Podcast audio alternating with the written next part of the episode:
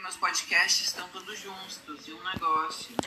E aí galera, beleza? Quem fala é Golart, estamos aqui para mais um vídeo.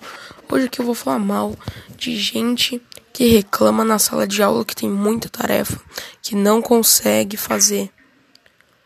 Bom, eu acho isso uma puta falta de sacanagem na cara e é isso.